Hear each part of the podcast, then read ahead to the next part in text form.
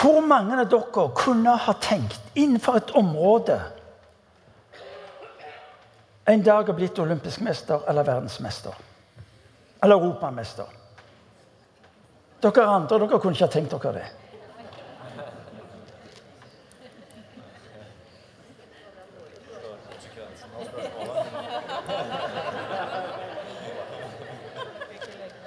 Jeg tror det er altfor få amerikanere her.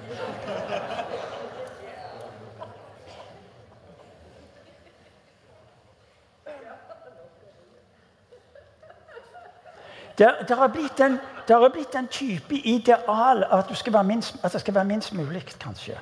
Er det det? Men hvis Gud har utrusta deg til å bli europamester eller verdensmester, olympisk mester, så ville det jo vært trasig hvis du styrte mot å skulle bli kretsmester. Er dere enige med meg? Jeg snakker ikke om gigantomani. Jeg snakker ikke om å bli best av de beste. og alt. Ikke det. Poenget mitt er ikke det. Poenget mitt er bare Hvis Gud har gitt meg det jeg trenger for å bli verdensmester, så ville det jo vært trasig hvis, hvis jeg var fornøyd med å bli kretsmester.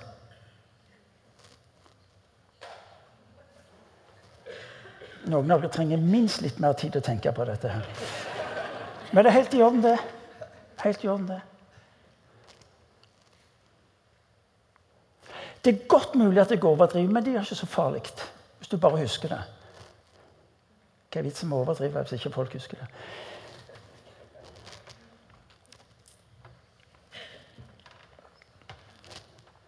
Jeg tror i overført betydning at her inne sitter det langt flere verdensmestere, langt flere olympiske mestere enn det vi egentlig er klar over enn det vi er klar over. Jeg snakker ikke om stormannsgalskap. Jeg snakker om å se det virkeliggjort i ditt liv som Gud har virkeliggjort i ditt liv. La meg få bildet eh, Hanne.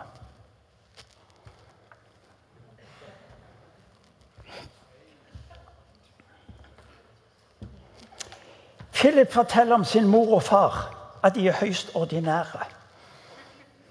Det er ingenting ved, ved min mamma eller pappa som tilsier at vi skal bli gysla gode å springe. Ingenting. Det er bare å se på kroppene deres, det. Ja, det er sitat tilnærma sønnen. Jeg ble spurt Martin, hva er forklaringen på at disse anonyme guttene vokste opp på Sandnes. Sandnes!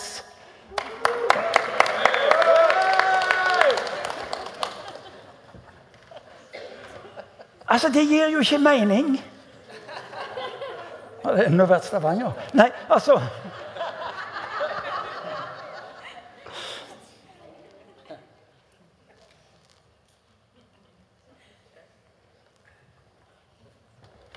Ifølge ekspertisen så har de ingen naturlige forutsetninger for å være så gode som de er. Hva er forklaringen? Jeg har drevet med friidrett. Jeg var såkalt lovende. Ja, Da kan du si at det er lenge siden. Ja, det er lenge siden. Hva er forklaringen? Arv og miljø? Jeg tror det er mindre av arv jeg tror det er mye av miljø. Jeg tror det er gyselig mye av miljø. Også lederskap. Og Det er noe av det jeg skal snakke om i kveld.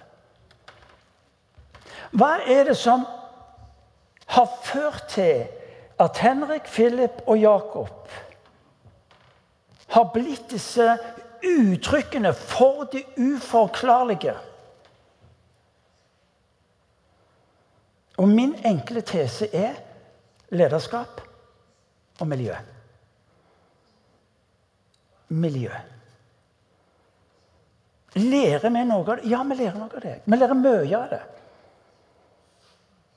Nå sier ikke jeg at vi skal gå inn på et eller annet som minner om Gjert sin uh, måte å styre tingene på. Han er jo fascinerende. Er du ikke enig? Han er jo fascinerende. Alt det han er bekymra for. Det er jo helt utrolig.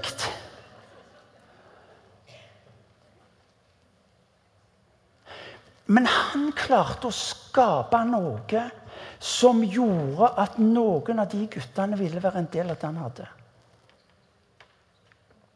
Og på et vis så forandrer de en type verden.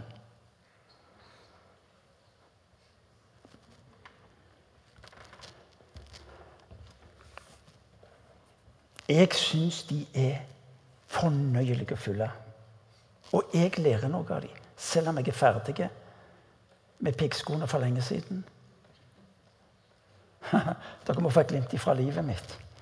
Der Europamesterskapet for har vært for lag på Sandnes stadion i denne helga.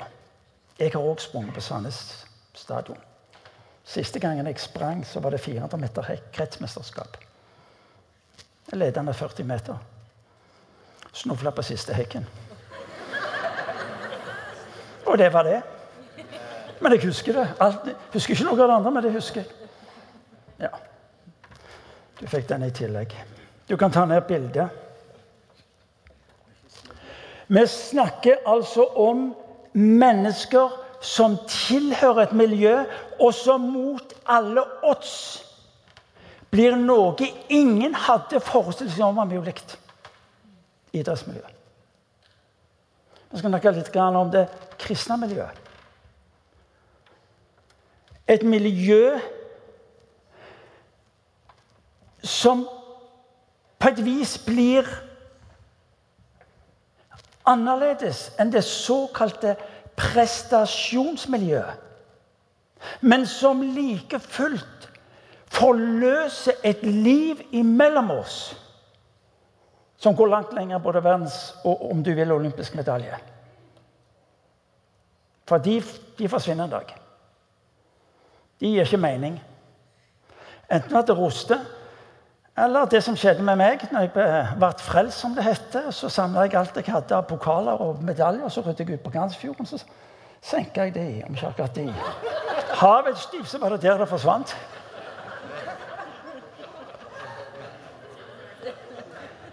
Altså, Jeg var ferdig med det. var ikke mer enn det. Jeg hadde ingenting imot det, men der forsvant det. Nå skal det sies at Pokalene den gangen var ikke så store som de i dag. Bibelen gir deg og meg to grunnleggende ord som du må få med deg. Det ene ordet er eklesia. Det høres veldig fint ut gresk. Og det andre ordet er koinonia. Eklesia er det ordet som Jesus sier når han bruker når han sier at 'jeg vil bygge min kirke'. Det er altså Eklesia betyr kommet ut ifra forsamling. Mennesker som kommer sammen med et utgangspunkt. De er kommet ut ifra noe.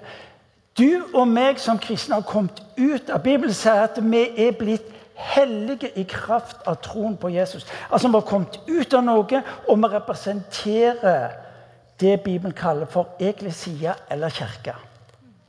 Det sier noe om hus, det sier noe om struktur, det sier noe om ulike former for mekanisme. Det andre ordet du skal få tak i, det er ordet koinonia. Communion, fellesskap.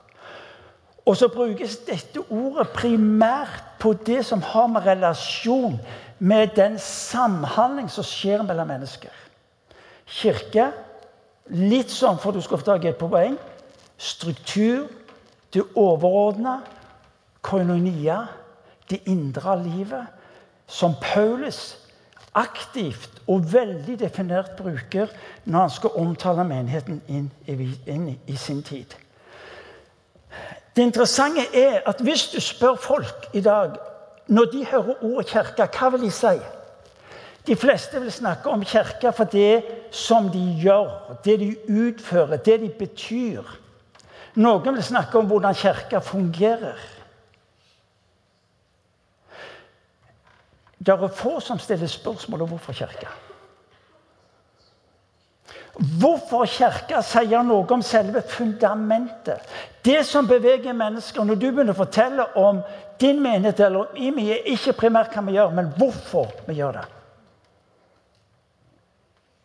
Det er forskjell på å skulle snakke om kirka som noen som utfører et eller annet. Det være det mest idealistiske på denne kloden, det mest meningsfulle på denne kloden.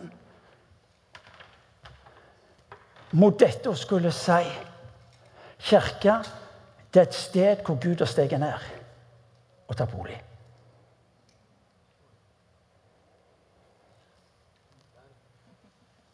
Er dere med meg? Jeg tror forskjellige ting. det. Det som beveger mennesker, er ikke primært hva du gjør, men hvorfor. Hvorfor? Og det er noe av det vi skal berøre litt til i dag. Koinonia er altså et nøkkelbegrep for fellesskapet. Når du og meg får teksten på skjermen av Hanne, kan vi ikke gi Hanne en skikkelig klapp? Du må reise deg. Hun sitter bak der.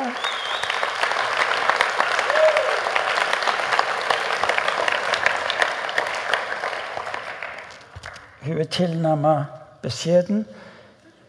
Men når dere går forbi der litt senere om kvelden, så bare ta på henne.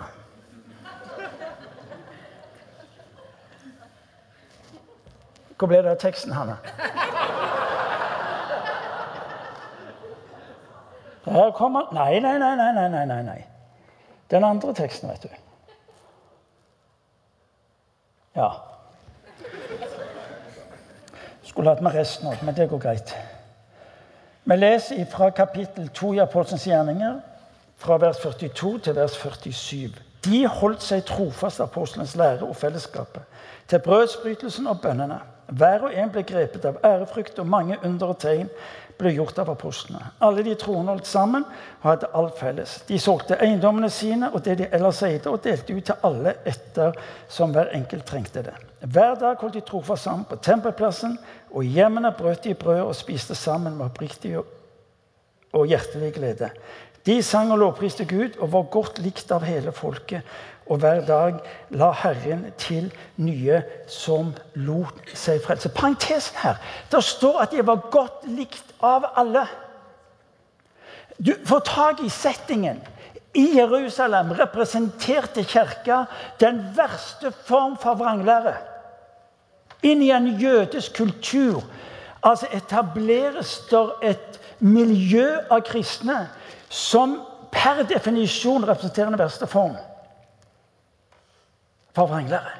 Og allikevel er det livet de lever, av en sånn karakter at de er velvillige hos alt folket. Det er interessant. Det er interessant, fordi at Menigheten i Jerusalem lot seg ikke definere ut ifra hva omstendighetene måtte mene, men ut ifra det livet de sjøl hadde. Og Dette er så viktig for deg å få tak i. For det er altfor mange som opererer med katastrofetenkning i dette landet, spesielt kristne om hvor ille det er med kirka og alt. Vi må slutte med det der. For de utsagnene forteller mer om hvordan du definerer deg i forhold til omgivelsene, istedenfor hva du har sjøl, hva din menighet har. Og Det er uhyre viktig for oss å være bevisste på det. De hadde godvilje. Midt i dette kaoset, hvor de opplever at de representerte noe som var så totalt annerledes. Koinonia, fellesskap, er et nøkkelbegrep i Nytestamentet. Både hos Paulus, men også hos eh, Johannes i Johannesbrevene. Få tak i dette. Koinonia. Nå snakker jeg ikke om bandet Koinonia, selv om noen av oss eh, var svært så begeistra, spesielt for bassisten eh, i, det, i det bandet. Koinonia betyr å ha våre liv i fellesskap. Det betyr i det øyeblikket du blir en del av en menighet, så er det snakk om å ha liv i fellesskap. På samme måten som guddommen har sitt liv i fellesskap. Noe av vår største utfordring som kristne det er at vi menneskelig gjør det kristne fellesskapet med litt åndelig i tillegg. Når Bibelen taler om fellesskap, så snakkes det om en relasjon som er lik den guddommen har. Fader, Sønn og Hellig Ånd. Det du og meg står i fare for, det er at vi står i fare for å senke den berømte lista. så lavt at det blir et spørsmål om deg og meg, og ikke et spørsmål om han.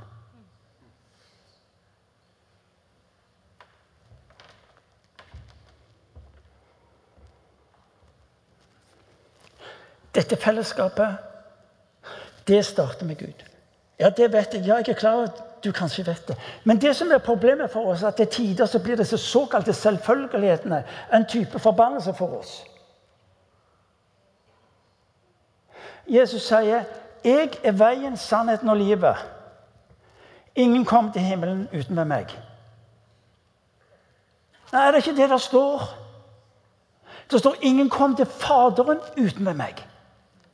Altså med andre ord, når, når, Jesus er opptatt med å ta disiplene inn i ordet, så er det at de skal få et forhold til sannheten. Og sannheten er at den far han snakker om, er en far som er nærværende der de er nå. Når, når, Bibelen snakker om kirke eller menighet eller fellesskap, så har den alltid sitt utgangspunkt hos Gud. Hvorfor kirke? Jo, fordi Gud. Hvorfor koinonia? Hvorfor fellesskap? Jo, for Gud. Det er mulig at du og meg til tider trenger litt hjelp til å få tak i at menigheten vår er noe mer enn bare at vi hyggelige mennesker kommer sammen. Det er Gud. Kjør, sa den gamle trimmesteren. Husker dere han? Trimforeldre. Hver gang han skulle sette i gang, så sa han ikke 'Å, kjør!' Og så, og så var de gamle med. Noen av oss har alderen, ikke sant vel, Finn?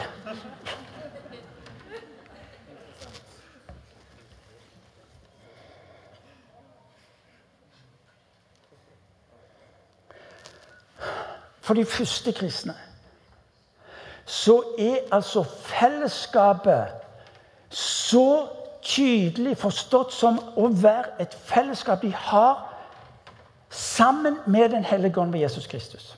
Det er kalt til samfunn, altså fellesskap, med Sønnen, sier Paulus første brev til korinterne, kapittel 1, vers 9.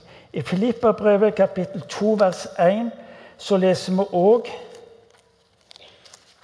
I Filipperbrevet, kapittel 2, vers 1, så leser vi òg om det da er trøst i Kristus, oppmuntring i kjærligheten, fellesskap i ånden. Altså Bevisstheten hos den første kristne menigheten var om at det er oss, kjøtt og blod, Den hellige ånd. Når ting oppsto, så var det de, kjøtt og blod og Den hellige ånd. Det var en sammenvevning som prega både tankegangen deres og motet på å handle på det de opplevde å stå midt oppi. Dette fellesskapet sier jeg starter med Gud. For de første kristne så var denne sammenvevningen så tydelig at når de var i situasjoner, så var det ikke primært 'hva gjør vi nå, gutter og jenter', men det var 'Gud, hva gjør du?' Når de opplevde trøkket fra omgivelsene, så vendte de seg mot Gud, og så var bønnen 'Gud, rekk nå ut din arm', for du ser hva de holder på med av ondskap. Tydelige på hvem de hadde samfunn med, hvem de hadde fellesskap. Koinonia er altså oppfyllelsen av Jesus' sterke bønn i Johannes evangeliet, kapittel 17. Eh, og Det er også litt interessant. Johannes evangeliet, kapittel 17. Jesus er på avslutningen sitt liv. Det er alltid viktig å legge merke til hva folk sier på slutten av sitt liv. Der sier han i vers 11 og vers 21. Han sier, 'Jeg blir ikke lenger i verden, men de er i verden.' 'Og jeg går til deg, Hellige Far, bevar dem i ditt navn.' Det navnet du har gitt meg, så de kan være ett, slik som vi er. Slik som du og meg, Far, er ett, er de også med i det, en del av den enheten. Vers 21. Må de alle være ett, slik du, Far, er i meg og jeg er deg. Slik skal også de være i oss, for at verden skal tro at du har sendt meg. Hør nå, Vi kan være de mest prektigste folka på kloden. Få har vårt nivå, nivå, av det religiøse. Vet du hva, Det betyr ingenting. Jesus er opptatt med å si at hvis du og meg her inne, sammen med han, ja, da vil folket tro. Da vil folket tro. Hvorfor i all verden skulle de tro på deg og meg? Om det ikke var for at det var en Gud som hadde steget ned, blitt værende og gjorde sine gjerninger i og mellom oss. Koinonia, sier jeg, er oppfyllelsen av Jesu bønn. Det er altså et overnaturlig samfunn og en forbindelse mellom personen i guddommen og menigheten på jorda. En gang til. Det er et overnaturlig forhold mellom guddommen og menneskene på denne kloden. Menigheten. Det er et forhold, det er en samhandling, det er et fellesskap der som innebærer at Guds rike blir synlig mellom oss. Ja, Da er det godt mulig at menigheten ville vært et langt mer interessant spennende sted å gå til enn at det bare var en samling av religiøse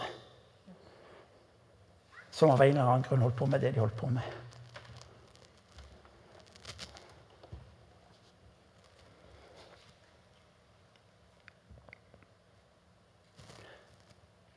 Halleluja. Halleluja.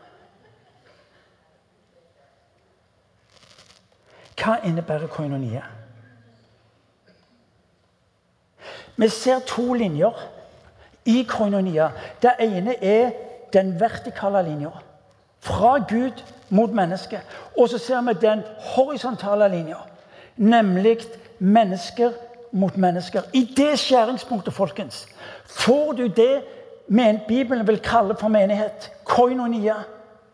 Fordi det er nettopp et skjæringspunkt der menneske og Gud eh, blir gjenstand for det uttrykket som gjør at denne verden vil tro. Det var derfor, var derfor Jesus kom på den måten som han gjorde. Grunnlaget for denne enheten er det vi mottar gjennom Jesus Kristus. Det var i dette fellesskapet de første kristne hadde. Ikke en, sånn en følelsesmessig basert, kortsiktig eh, et miljø. Nei, det var, det var en atmosfære. De prega hele byen. Jeg tror at grunnen til at jødene i Jerusalem konkluderte som de gjorde for Det var noe med atmosfæren, det var noe med opplevelsen som gjorde at de er vranglærere. Men det er noe med dem som overvelder oss. Som overbeviser oss. Jeg har sagt det før, og jeg har sagt det mange ganger. Kirka sitt problem er kirka sjøl. Vi kan ikke gå rundt og så kan vi bebreide samfunnet for at samfunnet har blitt sånn som det har blitt. Hvis samfunnet har blitt slik som det har blitt, så er det fordi at kirka ikke lenger er kirka i samfunnet vårt som det skulle være. Hvis vårt kall er å være salt og lys i dette landet vårt, hvordan kan vi etterpå gå hen og bebreide for at samfunnet er blitt som det har blitt? Er du med? Altså, det, hvis du og meg syns denne verden er vanskelig og ond, så kan jeg fortelle deg at du har tapt kampen hvis fokuset er det som er elendig. Istedenfor å stoppe og si Gud, hvem er du i dette her? Derfor menigheten. Derfor menigheten.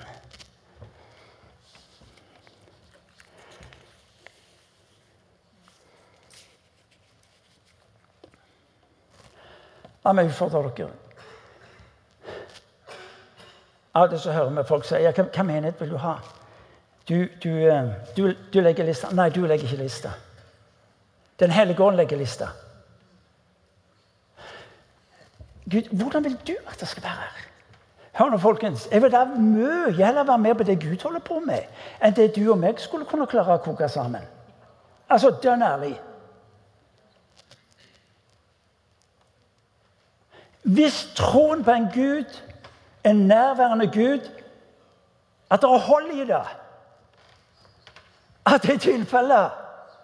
At ikke vi driver på og sitter her og lurer oss sjøl. Dere er altfor intelligente. De sitter her og lurer dere sjøl. Ja, men det er fordi du tror at Gud er her. Ja, det som er For Guds skyld, hvordan ser det ut? En av mine store utfordringer som, som leder i denne menigheten er ikke det, Kjære Gud, ikke la meg stå i veien. Flytt meg. Altså, jeg sa en gang at hvis jeg begynner å tulle, så finn hagla. Jeg er enig det. Du kan ikke si det sånn. Men du får tak i alvoret. Det er noe her som du og meg må få tak i. Den hellige ånd legger lista. Ja, jeg har ikke tro for det. Ja, men tenk hvis Den hellige ånd har tro for det, da. Jeg kjenner ikke fred for Er det noe jeg har hørt mye i løpet av disse 40 åra, så er det alt det som folk ikke har fred for, eller tro for, eller kjenner hvile i. Dere har hørt meg ha sagt det før mange ganger. Når disiplene var sammen med Jesus i tre år, det var aldri trygt. Narnia. Nå spør jeg er det trygt når han møter. Nei, men han er god. Han er god. Hvis Den hellige ånd legger lista for vår menighet og sine menigheter og sitt folk, så blir ditt og mitt naturlige spørsmål Gud, hva gjør du mellom oss? Spar denne verden fordi vi klarer å koke sammen.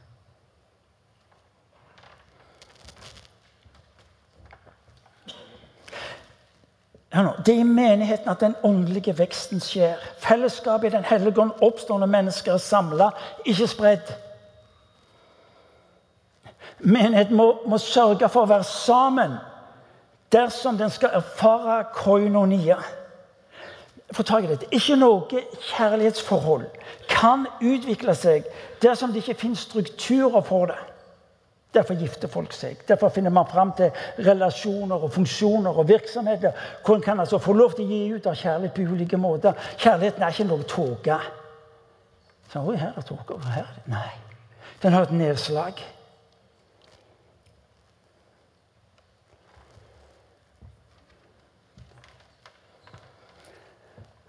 Klart Jeg kan ikke bedre å bruke alltid bilder som er litt banale, men det lever du sikkert med. Hvem er den mest fenomenale fotballspilleren i, i verden? Hva sa du? Messi.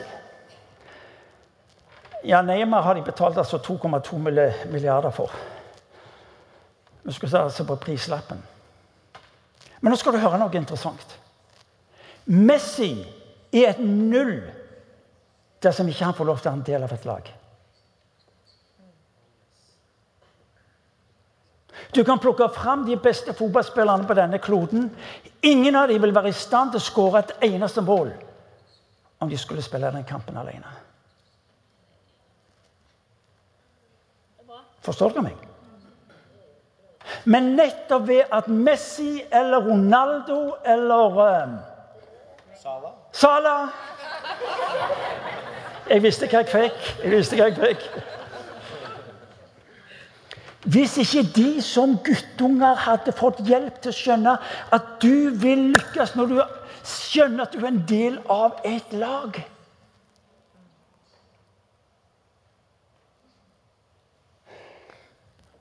Få tak i dette.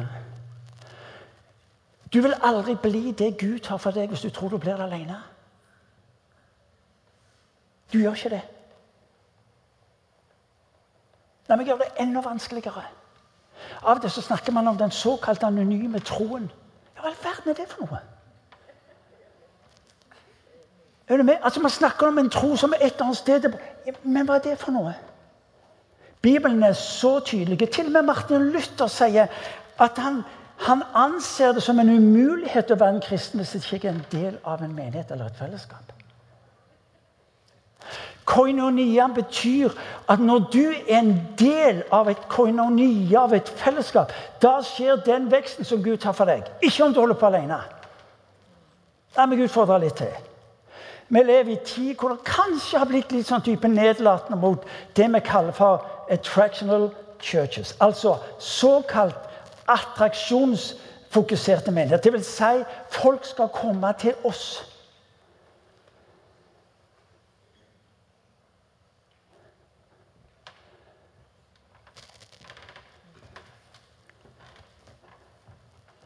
To ord. Påvirkning, tiltrekning. Vi lever i en type kultur og i en tid hvor vi har dette for oss at eh, hvis vi bare påvirker Vi må påvirke. Og hvis vi bare påvirker med de rette tingene, da vil folk komme.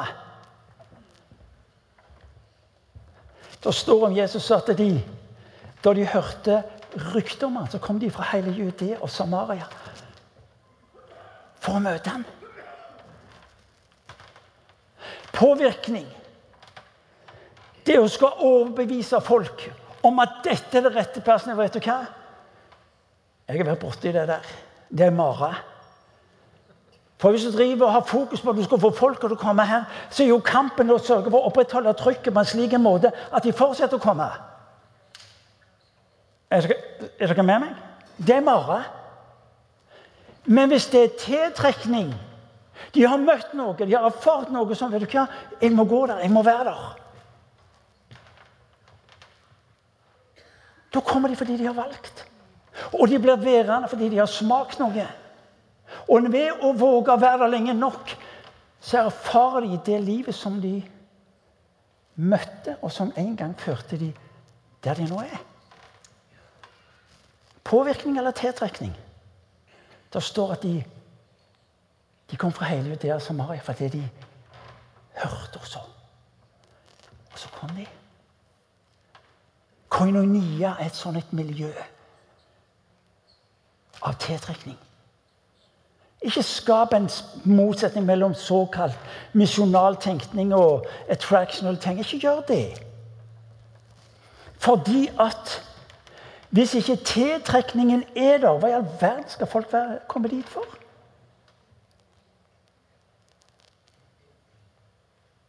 Tror det er noe der? Tror jeg.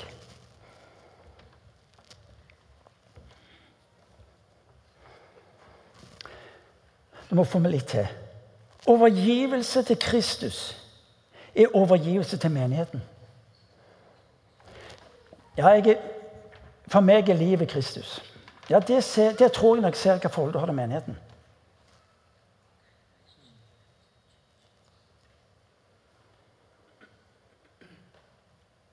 Mm.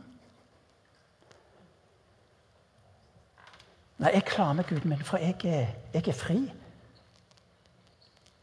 Jeg kunne sagt, at du er dødsdømt. For det er ingen som overlever utenfor menigheten. Gjør ikke det.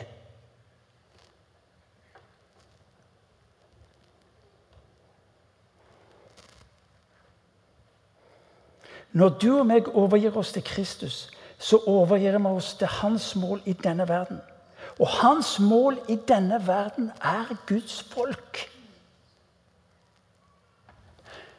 Han sier i Johannes 17.: Jeg ber ikke for de som ikke kjenner. Jeg ber for de som er dine. Det er det han sier i Johannes 17. Hvem er det Jesus ber for i dag? Han ber for deg og meg. Ja, Hvorfor i all verden skal han be for deg og meg? Jo, fordi at hvis du og meg blir det han har eh, skapt oss til, gjenfødt oss til å bli, til å, til, til å utruste til å bli, vet du hva? Da vil denne verden forandres. Jeg ber for disse. Jeg ber ikke for de. Ja, Betyr det at han ikke ber for de andre? Det vet ikke jeg noe om. Jeg forholder meg bare til hva han sier. Og det han sier i kapittel 17, han sier jeg ber for disse.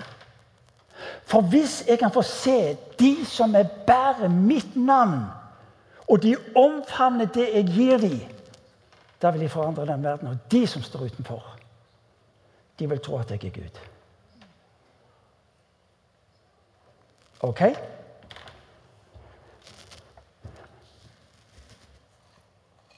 Hvordan vil det se ut? Tre korte glimt. Skal du se Når du ser kortet, så er jeg ikke så sikker. Tre konkrete ting. Koinonia kjennetegnes av å være elska. Koinonia kjennetegnes av å være akseptert. Koinonia kjennetegnes av å være tilgitt. Og du og meg vi behersker ordene oppover.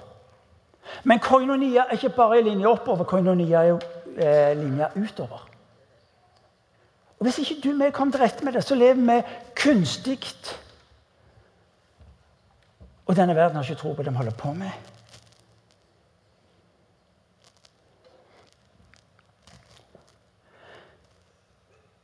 Det er interessant at det er den kjærligheten og den omsorgen og den anerkjennelsen som menighetene, som folket i Jerusalem møter, som gjør at de er begeistra for Guds folk.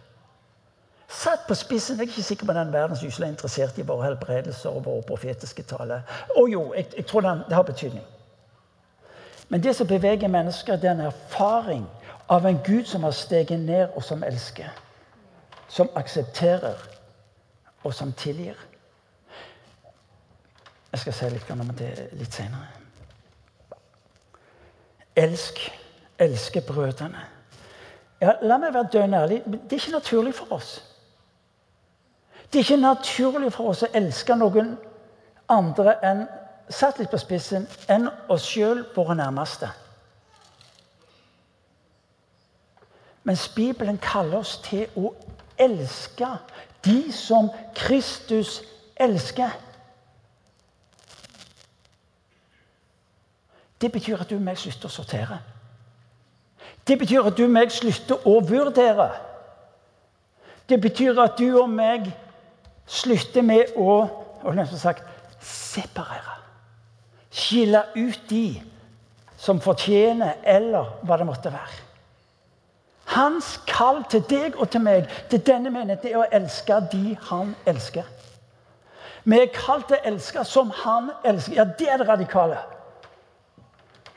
Da vil denne verden ikke lenger være livredde for hva de kristne ser. For hver gang en kristen åpner kjeften, var det en som sa, så venter jeg på et eller annet som skulle vært annerledes i mitt liv.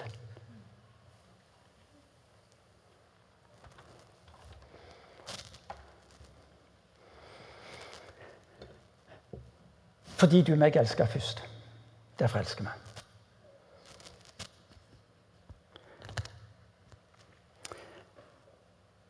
Hør. Dersom vi ikke er kjent for vår kjærlighet Nå snakker jeg om IMI. Så får du anvende dette på din menighet. Men dersom vi ikke er kjent for vår kjærlighet, hva skal vi da være kjent for? Dønn ærlig. Hvis vi ikke er kjent for Kristi hva i all verden skal vi da være kjent for? Og her kommer min påstand. Det er jo ikke noe annet enn en religiøs klubb. Hvis du og meg som enkeltmennesker ikke er kjent for vår kjærlighet til menneskene og omgivelsene rundt oss, så vil Bibelen stille spørsmål med din tro. Ganske så røft. Les Jakobs brev. Eller les Johannes brev. Kjærlighetsapostel. Ganske så tydelig.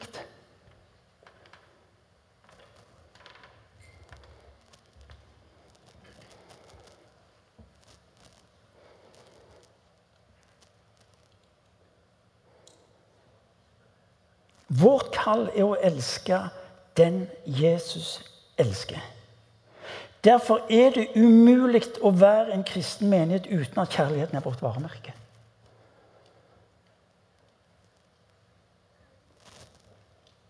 Hm. Og bedre skal det bli. Vet du hva? Av og til lurer jeg på om det er til hjelp for oss å avlegge en bekjennelse. Type sånn en. Vi avlegger en ed.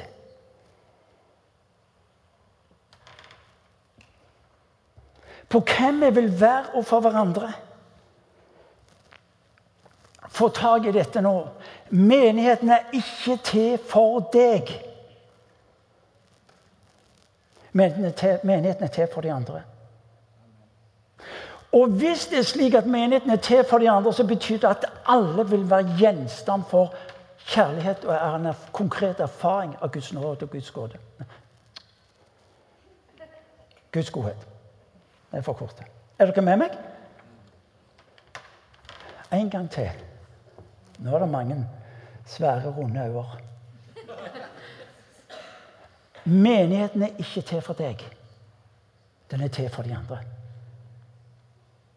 Men hvis det er slik at du og meg ser de andre før vi ser oss sjøl, så skal jeg love deg du blir truffet av de andre som ser deg.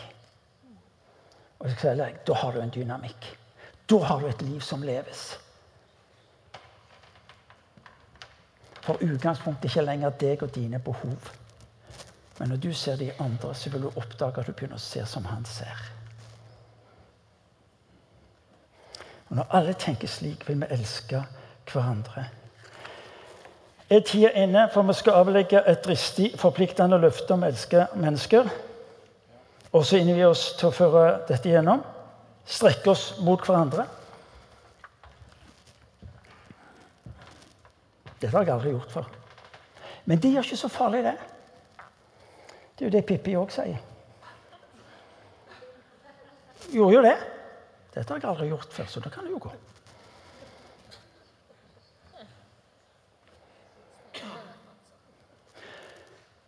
Kan jeg, kan jeg, få lov til å utfordre dere? Og, og, hvis du tror at dette er sånn Ja, det er noe jeg sier til dere når jeg sier dette er noe som gjelder oss. Det kommer en bekjennelse på skjermen nå. Og jeg vil du skal lese den igjennom. Og når du har lest igjennom, så vil jeg at vi skal reise oss. Vi er ikke ferdige, men vi er ferdige på denne delen. Så vil jeg at du skal reise deg. Og du som kjenner det hva? Jeg vil at dette skal være min bønn fordi det hjelper meg til å se mennesker rundt meg på en annerledes måte enn det er i dag. Er dere med meg? Hanne? Først leser du den, og så skal vi etterpå si den fram, du som kjenner dette vil jeg skal være min bekjennelse. Nå kan du lese den. Ja.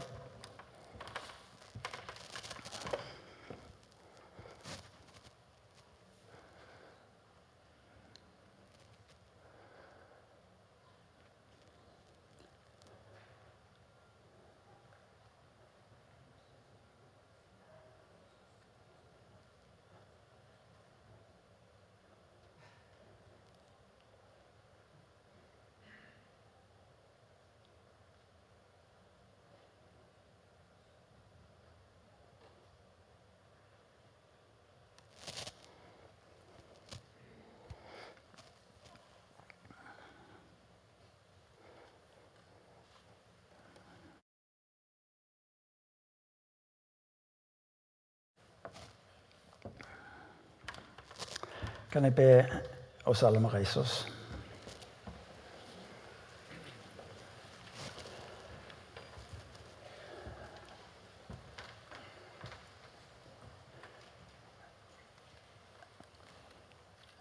Du skal få lov til å være dønn ærlig. Denne bekjennelsen er en bekjennelse som hjelper meg til å få være underveis. Det er ikke en bønn hvor noen kan kreve dette av deg. Dette er din bekjennelse over hvem du vil være i møte med mennesker i dette huset, men også de mennesker som er ut forbi.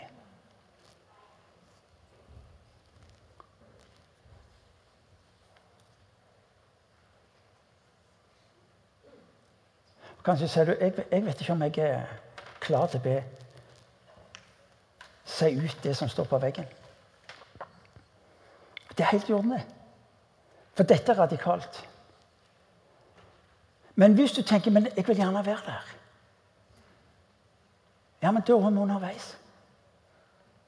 Jeg vil gjerne Jeg vil gjerne være der. Da er vi underveis sammen.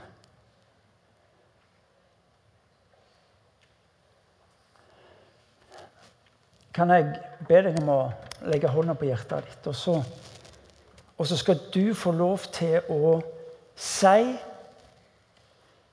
Hvis du kjenner at dette vil jeg, dette vil jeg være underveis på Du sier nei, jeg kan ikke, det er kanskje det. Ja, helt i orden. Da er du bare taus. Men jeg tror at hvis ikke du og meg vil gjøre valg på sannheter som dette, vet du hva, så vil vi ikke lykkes med å være det Gud har kalt oss til å være. Så la oss be høyt sammen. Og så skal du få lov til å legge dine ord i det som ligger der. Og så vet du at dette ikke er en bekjennelse til meg eller til dette huset, primært en bekjennelse til Han, men også en bekjennelse til folket som går her.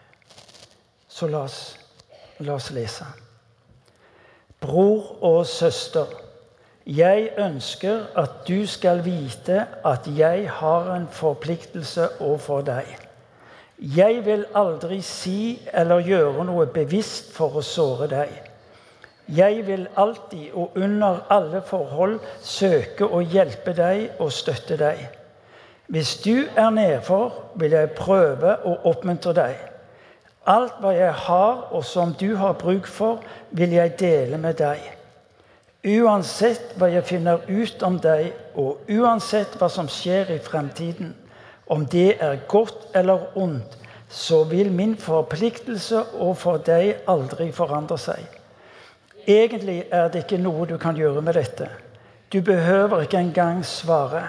Jeg elsker deg, og det er akkurat hva det betyr.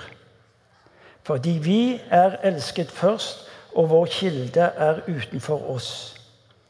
Amen. Vær så god, sitt.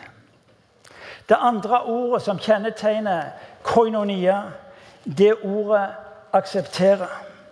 Kjærlighet innebærer å elske slik som folk er. For Kristi skyld.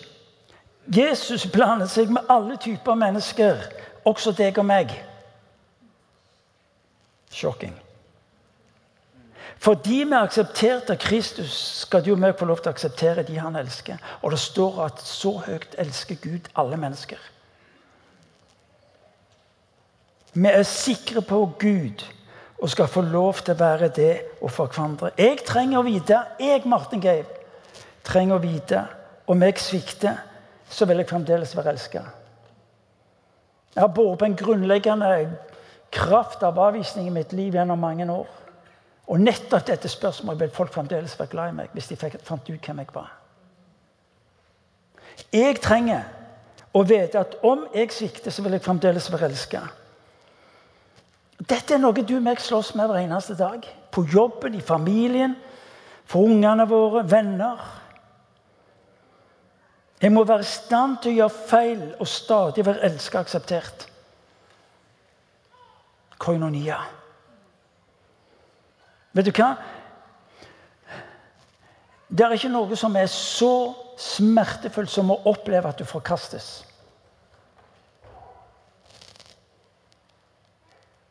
Ikke fordi jeg er selvopptatt, men fordi jeg er menneske. Aksept betyr ikke grønt lys for de som er gale. Aksept er den holdning som hjelper meg til å nå til mennesker med ord om en bedre vei, betingelsesløst.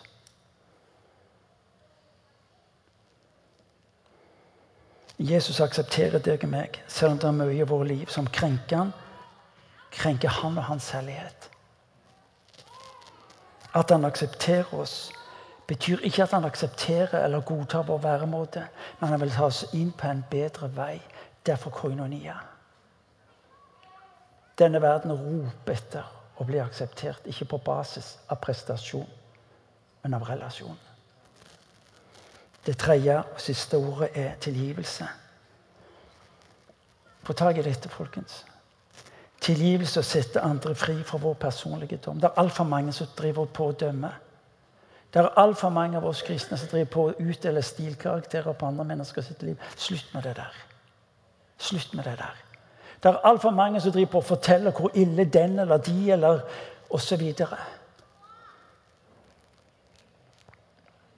Når du oppgir din personlige dom om et menneske, så betyr det ikke at du er enig med vedkommende i det som er sagt eller gjort. Det betyr bare kort og kort at du ikke vil være dommer. Vi må slutte å være dommere. Vi må slutte å være dommere. Koinonia er et sted hvor nåden rår. Meg tilkommer straffen, sier Paulus i Romerbrevet kapittel 12, vers 19. Jeg vil gjengjelde, ser Herren. Ikke ta Herren sin plass. Ikke ta Herren sin plass.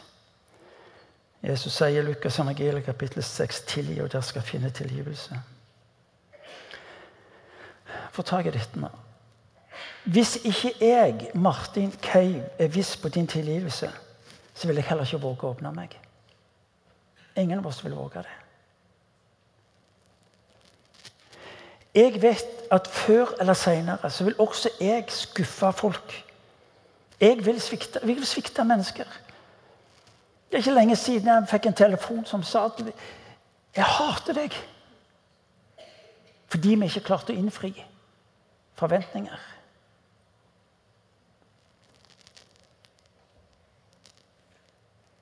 Ikke fordi jeg ønsker det eller ville det. Men saken er den at jeg sammen med deg er ufullkommen, og vi er underveis. Jeg må vite at du ikke fordømmer meg når mine svakheter, feil og synder begynner å vise seg. Vet du hva? Jeg har, jeg har behov for din tilgivelse.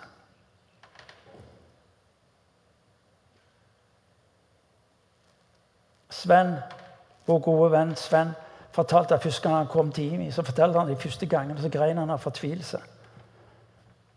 Fordi han klarte ikke å tro tilgivelsen.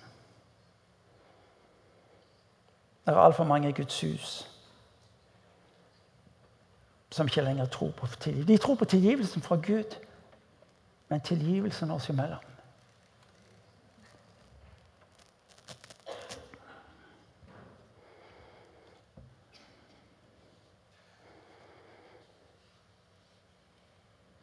Det er interessant at en av verdiene på KF-skolen er tilgivelse. Vi ville så gjerne at ungene tidlig skulle lære at tilgivelse er en nøkkel. Jeg skal begynne å slutte.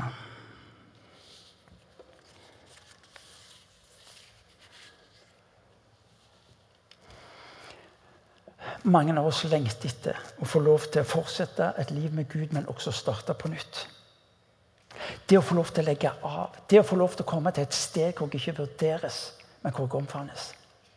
Det å få lov til å være en del av et miljø som våger koinonia-identiteten. Som gjør at jeg skjønner at bare ved å være her, så helbredes jeg. Jeg helbredes, om du vil, til sinnet, til syke. Jeg helbredes til det åndelige av hva det måtte være. Og jeg helbredes i det fysiske. Bare ved å være en del av koinonia. Det er interessant at tekstene vi leste innledningsvis, der kom de sammen hver dag. Og det eksploderte rundt dem.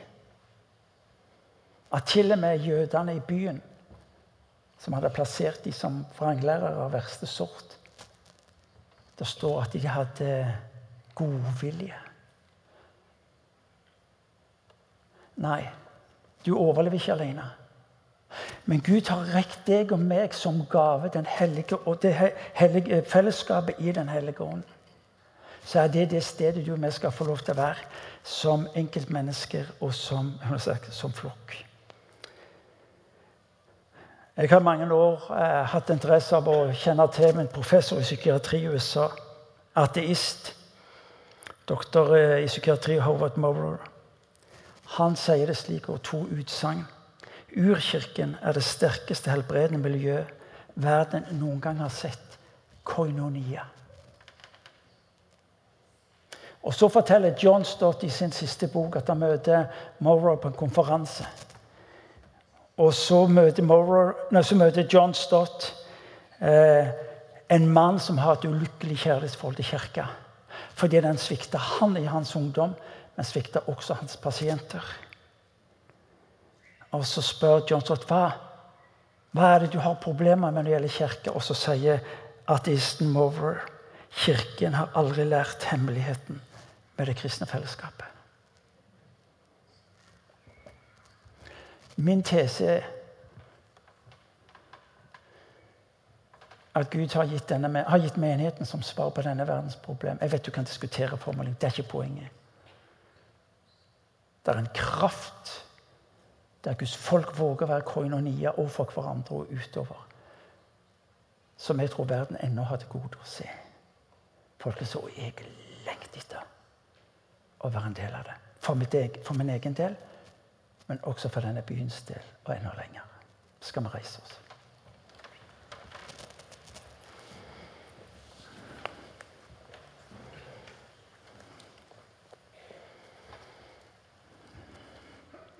Jeg kan, jeg kan tenke meg at vi hjelper hverandre, rett og slett. Langs to linjer. Det ene er å la fellesskapet få lov til å representere koinonia inn i ditt liv. Dette fellesskapet. Ikke løsningene, men fellesskapet. Fellesskapet som omfavner. Fellesskapet som hjelper deg å holde deg nær til mennesket og til Gud. Som gjør at du makter å bli værende i det smertefulle fordi du erfarer at Gud er der som gjør at du makter og orker å bli værende selv om du ikke hadde svarene. Men fordi du var et sted hvor menigheten var et sted for koinonia, så våger du bli værende. Vet du hva? Jeg har så lyst til å utfordre dere til en commitment, til en bekjennelse, til en overgivelse. til. Så jeg vil, jeg vil være med å bygge det i fellesskapet. Det er ikke det er ikke pastorteamet, det er ikke Elling og han Therese og Geir og resten av ledet. Det, det ikke, de klarer det ikke. Det er prektige mennesker, det kan jeg love deg.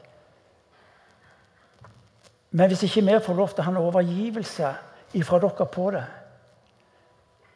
så blir vi ikke mer enn så vidt ordinære. Vi har forsøkt å si noe sammen med en tekst på veggen. Dere utfordrer oss. For hva? Gud, la meg få lov til å være en del av koinonien. La, la, la, meg få lov til å være en del av dette fellesskapet med denne livsforvandlende krafta som gjør at folk ser noe annet enn bare mennesker. De opplever å se deg.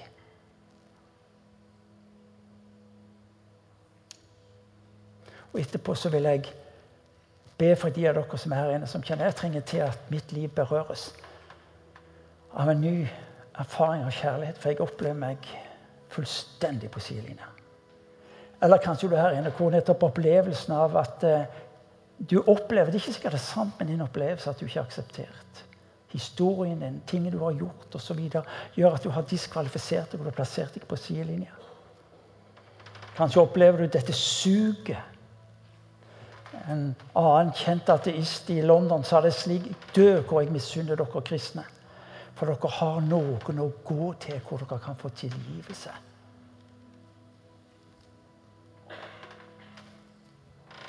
Men først vil jeg utfordre dere til å overgi dere til å være en del av et miljø, av et fellesskap, koinonia, som er et fellesskap i Den hellige ånd. Så det er ikke et spørsmål om alt det du skal gjøre, men våge å være en del av et miljø hvor Den hellige ånd gjør det han skal gjøre. La oss be. Herre, vi takker deg fordi vi får lov til å stå innenfor ditt ansikt.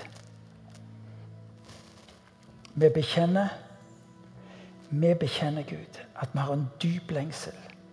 Når vi leser ditt ord, hører om hva du gjør ved din ånd, så ber vi for la oss få lov til å være en menighet. Hvor nettopp koinonia, dette fellesskapet Den hellige ånd, eh, fører oss sammen, knytter oss sammen, smelter oss sammen. Og forløser det Guds rike livet du har for den enkelte. Far, vi ber om det. Far, vi ber bokstavelig talt om du skal la dette sted få lov til å være et sted, Herre, hvor mennesker berøres på en slik en måte at gjenopprettelse av en forming, her til det gode livet Hvor eh, sår, Herre Jesus, hvor, hvor det som var kommet i ubalanse, Herre, bare ved å være her Fellesskapet Den hellige ånd. For vi, vi, vi, gir oss, Herre, dette fellesskapet. Og vi ber Gud virkelig gjøre det mellom oss. Bare ber om at hver enkelt av oss som er her inne, far, du skal legge ned i våre hjerter en dyp overbevisning om å være med Herre Jesus i et fellesskap som er langt mer enn at eh, en bestemt gruppe mennesker kommer sammen. Men det er vissheten om, tryggheten på, tilliten til at det er et fellesskap er Den hellige ånd.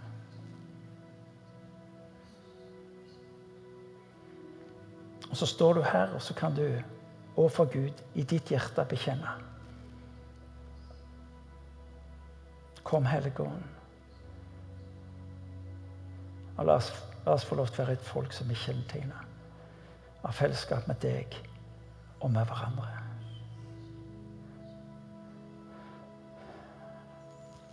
Far, så ber jeg for eh, de blant oss som i kveld konkret, Herre Jesus, kjenner på den opplevelsen av å ikke være elska.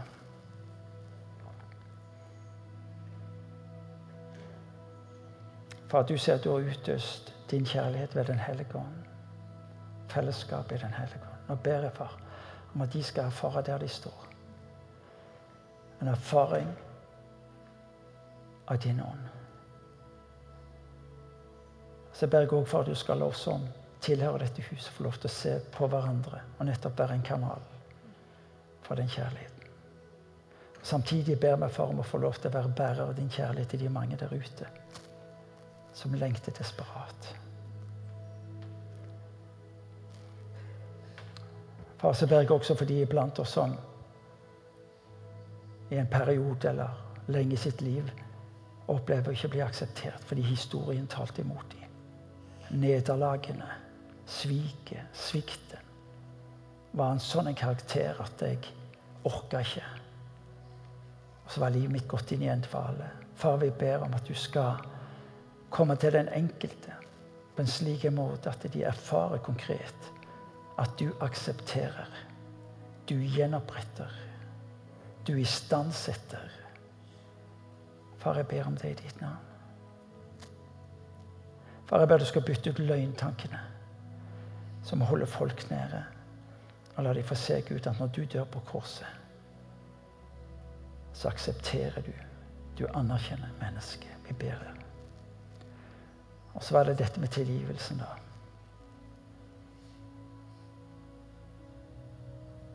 Far, jeg ber om at mennesker som her i kveld skal erfare at du tilgir. I at fellesskapet tilgir. At det ikke er vi som besitter dommen. Den hører deg til. Jeg ber du skal forløse her i mennesker en erfaring av nåde. Fordi du er en nådefull Gud. Far, jeg ber at mennesker skal erfare at tross svik og nederlag og feil valg og så tilgir du. Men vi ber også for at de skal erfare at de tilgis av mennesker fra dette huset. Far, jeg ber om at det skal være et steg hvor tilgivelsen sitter løst. Men jeg ber far også at du skal hjelpe oss til å våge å tilgi de mange som har gjort oss galt, eller hva det måtte være. Far, vi ber i ditt navn. La oss få lov til å være et folk gjennomsyra av tilgivelse. Vi ber om det. Herre, vi takker deg for å være en del av fellesskapet i Den hellige ånd. Amen.